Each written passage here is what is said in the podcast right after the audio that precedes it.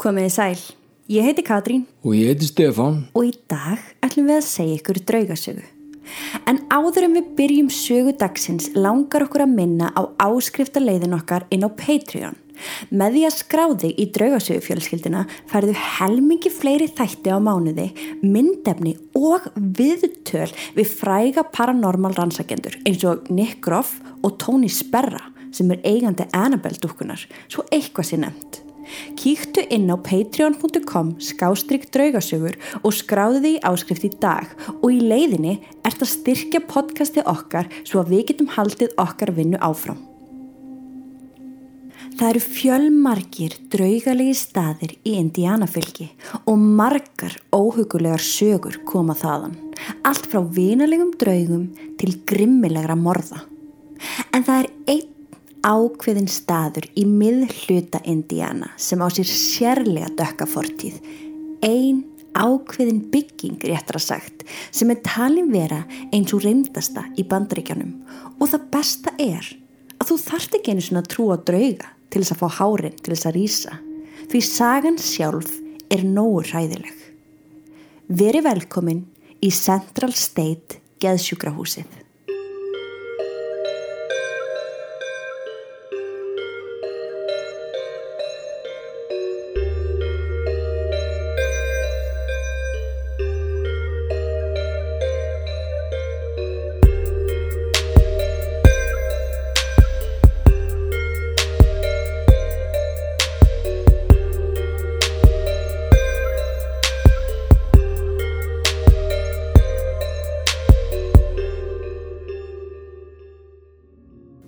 Í nóvember árið 1848 opnuðu styrnar á nýju geðsjúkrahúsi í Indiánafylki og fyrstu fimm sjúklingarnir voru bóðinni velkomnir inn á stopnununa. Það var svo mikil vöndun fyrir akkurat svona stopnun sem gæti tekið við fólki sem fjölskyldur gátt ekki lengur ráði við. Á þessum tíma voru geðsjúkdómar flokkaðir á allt annan hátt en í dag og fólk þurfti ekki að vera mikið veikt til þess að vera lagt inn á svona stofnun. Sumir voru engöngu að berjast í þunglindi og kvíða sem er orðið mjög ofinbært og viðurkend í okkar samfélagi í dag en á þessum tíma þótti einstaklingur með þessa kvilla vera óeðlilegur.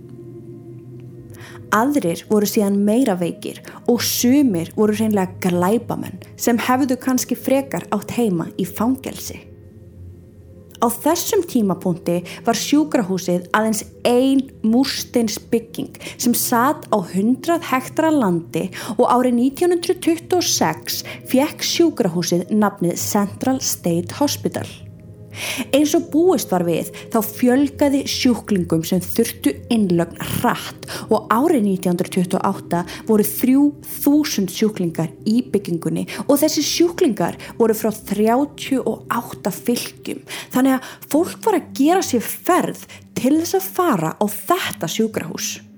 Vá, wow. en veistu af hverju eins og þú veist frá 38 fylgjum, veistu af hverju það var að koma þangað frekar en á aðra stofnarnir? Ég er ekki alveg viss en ég held að eins og ég sagði fyrir í sögunni það var svo mikil vöndun Já, fyrir ok. svona spítulum Já, og eflust voru bara þessi spítalar ekkert til Nei, í fram- þessum fylgjum frambóði var bara ekki að svara þessari eftirspurn. Já, einmitt Á þessum árum, alveg frá því að Central State opnaði fyrst styrna sínar og til ársins 1948 var verið að stækka við sjúkrahúsið jæmt og þjætt og árið 1905 voru byggðar fleiri einingar sem tilherðu sjúkrahúsinu allt í kring sem átt að sjá um fólk sem kom frá öðrum landslutum. Þannig að það var í rauninu tekið upp á því að því þarna var þetta bara ein bygging Já. og það voru svo ótrúlega margir að koma einmitt frá öðrum fylgjum Já, að þeir tóku upp á því að búa bara til alls konar litlar einingar Ok, og sem sagt fólki sem var að koma annar staða frá þeir voru lagðir inn í þessar einingar já, ok, ok. og rauninni bara heimamenn sem fengi að koma inn í stofnuninu Já, já, inn í aðalbygginguna. Já, ok. Leitast var við að skapa notalegan stað fyrir fólk til að búa á vegna þess að flestir sjúklingar sem voru lagðir inn eittu meiri hlut af æfisinni innan veggja spítalans. Þannig að tvær stórfenglegar íburðamiklar byggingar voru byggðar sem letu út eins og kastalar. Þessar byggingar voru kallar The Seven Gables og var opið öllum sjúklingum af báðum kynjum. Ok, Ég sem sagt held að þetta hafi verið þannig að þessar byggingar, þessi tveir kastalar, já, voru mitt bara fyrir alla. ok, þannig það var ekkit kynjaskipting. Nei, Ok, byggingarnar voru fallegar og í kringum þær voru garðar og gósbrunnur. Í hverri byggingu var einhver ákveðin þjónusta.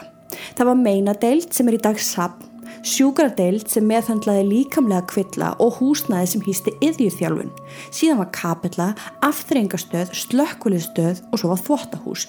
Þannig að þetta var ekki bara ein stór bygging eins og ég sagði á hann, þeir voru alltaf að byggja við. já, ok. Og voru henni bara að ansa þessari eftirspurn og, og þess að komið slökkustöð og... Já. Í kjallaranum voru verstu vistmennir sem hættu aldrei að öskra hýstir.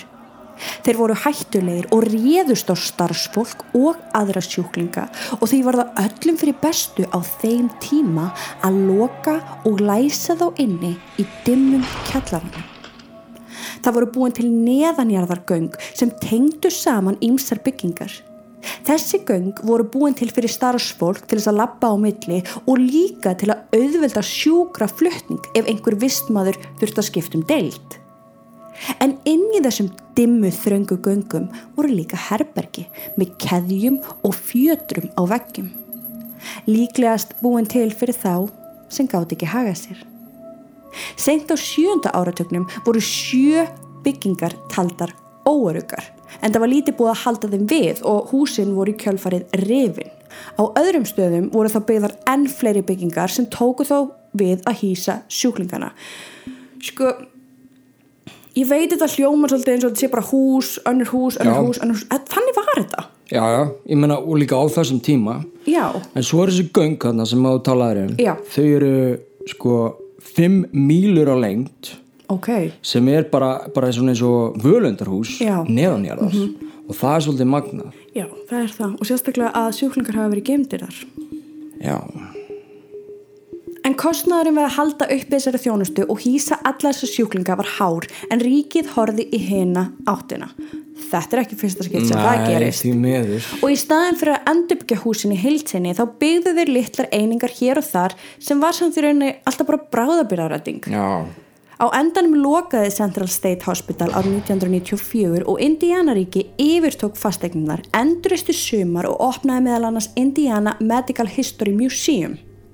Sjúklingarnir sem létust á sjúkrahúsinu voru grafnir í ómertum gröfum á tveimur stöðum fyrir um það byrj 100 árum síðan en síðan fannst sá þriðji við norðvesturhort byggingarinnar. nei, og líka ómerta grafir þá. Já, alveg ómertar þar sko. Úf, En sömur sjúklingar þeir fengi ekki einu sinni almennilega gröf heldur voru leifa þeirra grafnar bara með fram húsinu. hættu. Frá og með árinu 2003 hefur ríkið keift 146 hektar á svæðinu og ætlar að reysa þar menningamæðistöð og almenningskarð með stóra drauma fyrir þetta svæði. Já, já, Og ok. þeir eru búinir að gefa út tilkynningu þar sem þeir lofa því að fara varlega á svæðinu og reyna að byggja ekki ofan á neinum gröfum af því að það geti aldrei búið gott. Ó, nei. Starfsemi spítalans á þessum fyrstu árum var í rauninni á byrjunastígi og meðferð geðsjúkdóma var eitthvað sem fólk var ekki alveg viss um. Mörg lif sem eru notið í dag til þess að hjálpa sjúklingum að halda niður í einkennum eða hafa stjórn á þeim voru ekki til á þessum tíma. Þannig að það eina sem læknar og hjúgrunafræðingar gáttu gert við erfið og ofbildisfulla sjúklinga sem gáttu skadað aðra og þá sjálfa var að fjötra þá niður. Síðan voru það hættulegustu sjúklingarnir sem voru gemdir í kjöllurum húsins og í dimmum herbergjum. Fjötrari vegg með keðjum. Sko auðvitað voru þetta ómannulegar aðferðir sem í rauninni væru kallar villumanslegar í dag en það var bara hitt annað í bóði segja læknar og hjúgrunafræðingar. Hvað átt að gera við fólkið sem hætti ekki öskra eða réðst á annað fólk? Það þurfti að einangra það og þess vegna voru þau geimt í dimmum herbergjum í marga mánuði og jafnvel ár. En eftir því að almenningur komst að því hvernig komið var fram við þessa sjúklinga voru gerðar umfangsmiklar breytingar sem var í rauninni byrjun á langri sögu um bætta umönnun sem fólst í því að meðhöndla þessa sjúklinga án þess að loka þá af. mm, já, ok Það var þarna sem var í rauninni ákveð að banna þessar gömlu hefðir og hlekkir og fjötrar urðu ólöglegir innan veggja spítala. Central State Hospital lagði sér fram um að vera í fremstu röð meðferða þanga til hurðinu var skellt í lás. Já, ok, því að þarna verður bara svona vitundavakning bara almennt, Já. af því þessi spítali, hann var líka með heila ástungur og, og rafmeðferðir og waterboarding, Já, já, já. en eins og þú segir hvað átti fólk að gera þú veist, þau vissu bara ekki betur Ég veit það ekki. Ég, ég get ekkert sagt. Nei, En það mætti því halda því fram að draugagangurinn hafi byrjað eftir að spítalunum var lokað. og það rétt Það er ekki rétt. Starfsfólk, sjúklingar og annað vinnufólk varð vart við draugagang á meðan spítalinn var starfandi. Kjallarinn, sem hann kallaður Old Powerhouse, á sér til dæmis nokkrar sögur. Ok, powerhouse er þá bara einhvers konar virkin á undir eða? Já, Vá, það er uppskrift að reymleika já, nefnilega sko. Á hverju einustu nóttu þurftu vinnumenn að fara neyri kjallara og móka út öskuna.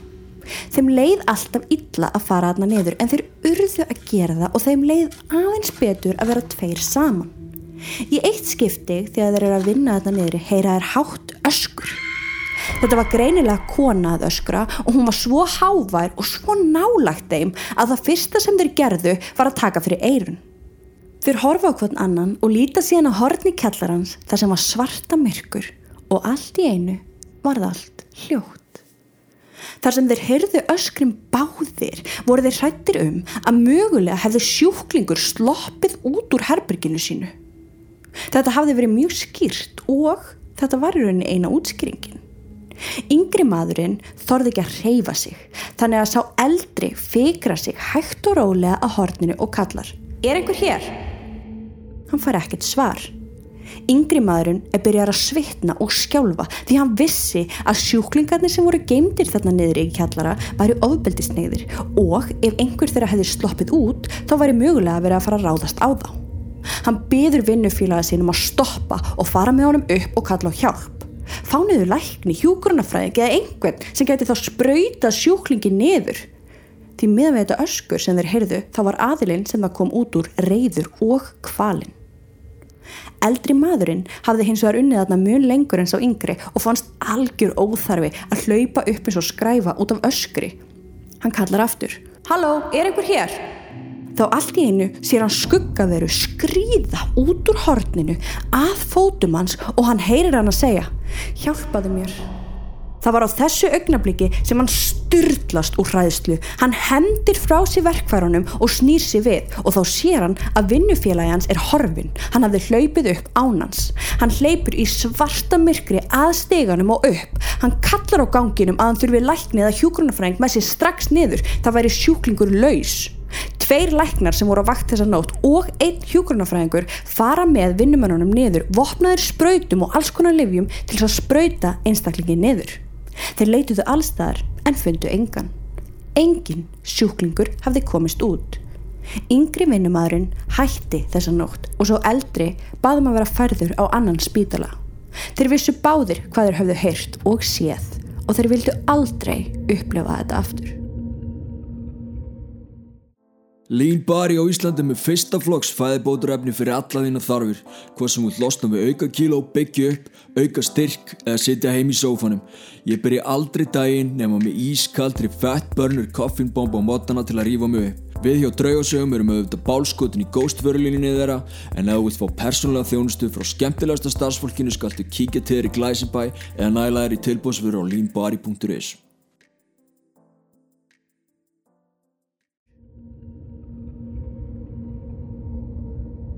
Það er annað atvik sem átti sér stað neyri þessum kjallara og það hendi starfsmann stopnunarinnar.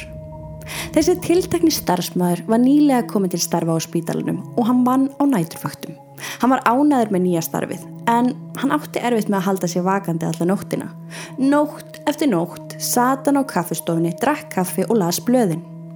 Einu sinni á hverjum klukkutíma gekk hann í herbergin til þess að aðtuga hvort það væri allt með feldu og oftast voru allir sofandi. Einstaka sjúklingar báðum vasklas og sumir voru með óráði. En þar sem hann var korki hjúgrunafræðingur nýja læknir gata hann liti gert annað en að loka hörðinni og býða til morguns. Hann vissi af sjúklingunum nýri kjallara en það var ekki í hans starfslýsingu að kíkja þá en það hafði hann engan áhuga á því. En eina nóttina um klukkan fjögur var starfsmæðurinn þreyttur.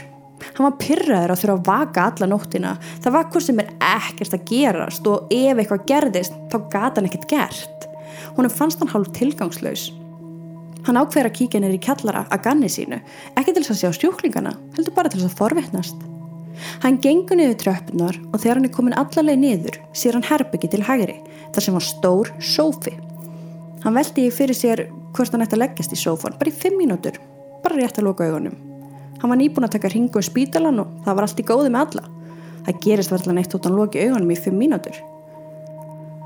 Hann leggst neyri mjúkan sófan og hugsa með sér akkur sé sófið sér þarna niðri en ekki búið kaffistofu. Hver er tilgangurum með að geima hann að fína sófa þarna niðri í staðin fyrir að nota hann? Hann lokar augunum og finnur hvernig líkamann hann slagnar. Hann var þreyttar en hann hjælt. Hann finnur hvernig andadrátturinn hans verið jafnari og hann finnur að hann er að líða út af inn í draumaheimin. Allt í einu opnar hann augun upp á gátt, furðulostinn. Það er einhver að kirkjan. Hann reynir að standa upp en hann getur það ekki. Hann reynir að taka inn andan en hann nærði ekki. Það er einhver sem heldur utanum hálsin á hann fast. Hann lítur í kringu sig en sér engan. Hann urtlast úr hræðslu. Hann finnir hvernig æðarnar í höfðin á hann tútna út og honum finnst eins og augun á hann sé að springa. Hann reynir að berjast á móti með öllum sínum kröftum en það er ómögulegt að berjast við eitthvað sem hann sér ekki. Hann finnur fróðu myndast í munvíkonum og æðarnar í höfðin á hann stækka meira og meira. Hann næri ekki andanum, hann er að deyja. Allt í einu er sleft tækinu og hann stekkur upp úr sófanum og röklast mér á gólfið. Hann grætur, reynir að taka djúftinn andan en það er sárt.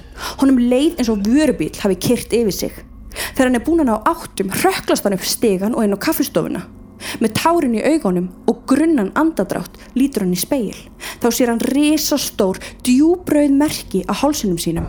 Það hafði greinilega einhver reynda kirkjan en hann sá engan og heyrði engan hlaupa burt. Hann satt stjarfur á kaffestofunni þá hvað til morgumaktin kom og þegar hann leita aftur í speilin þegar hann kom heim voru ummerkin horfin.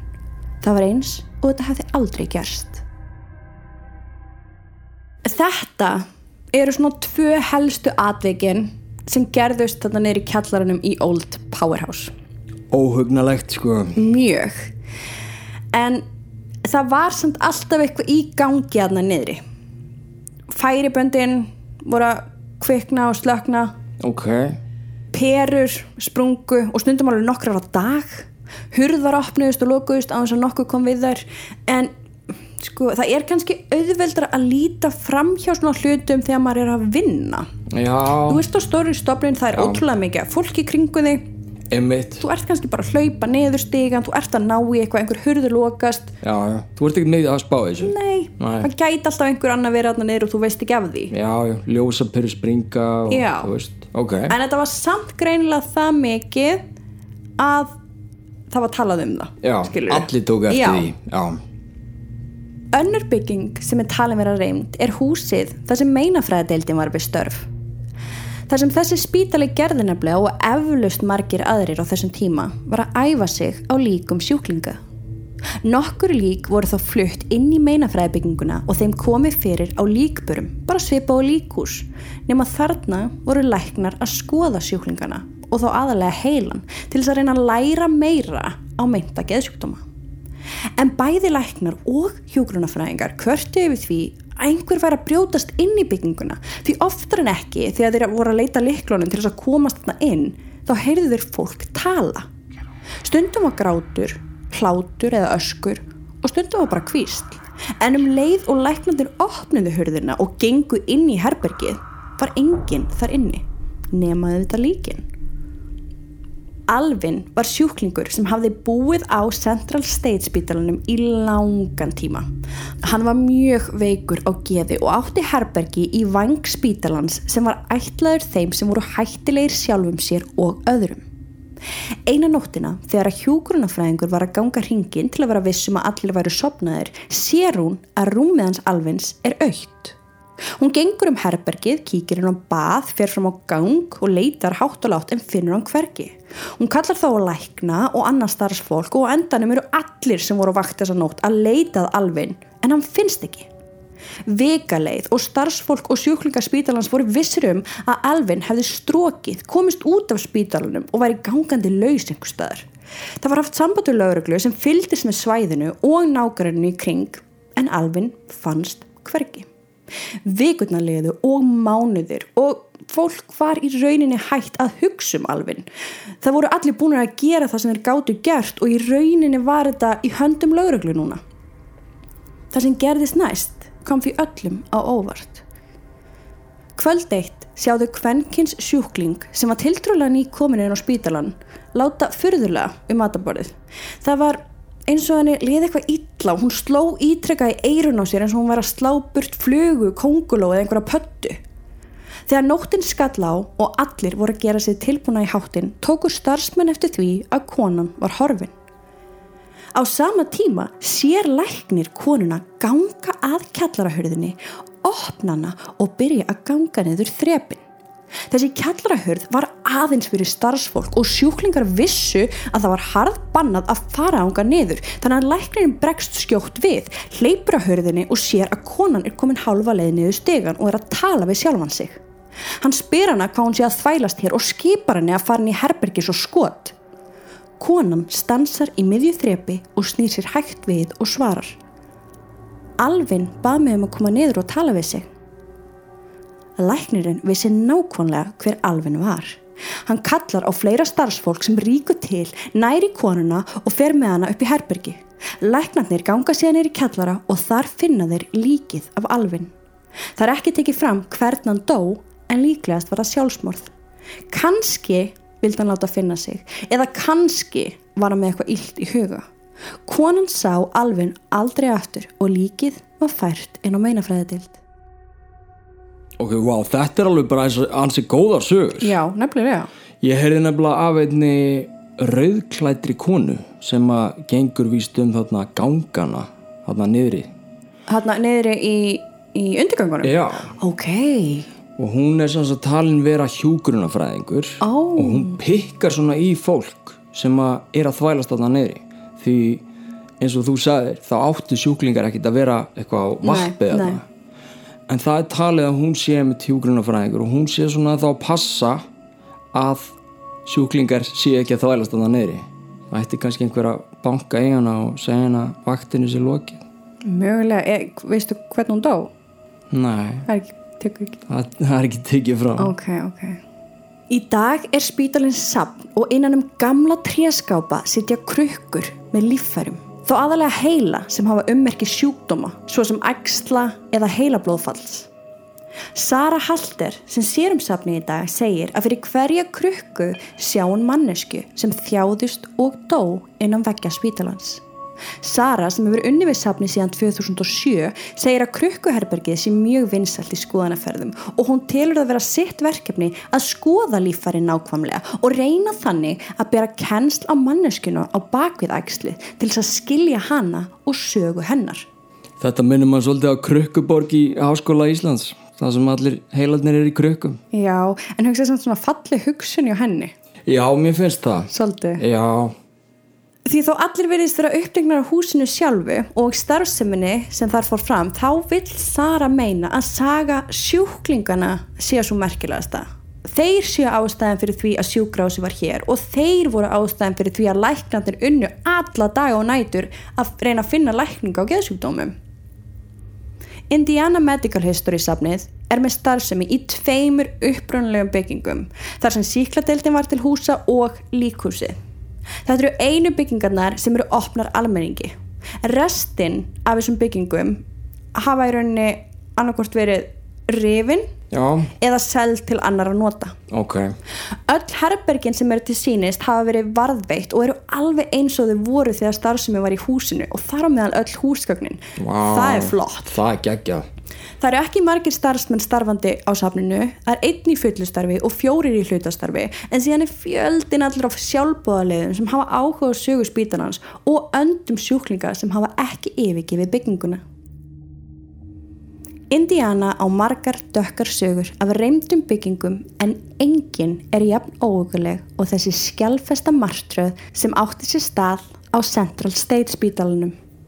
Ef þú átt einhver tíma leið um svæðið, skaltu endilega kikið í heimsóknu og þorir. En vertu undirbúinandi það að heyra grátur og öskur í öllum þeim píndu og pinduðu sálum sem sitja först innan veggja spítalans í endalösri martröð misnótkunnar og örfandingar.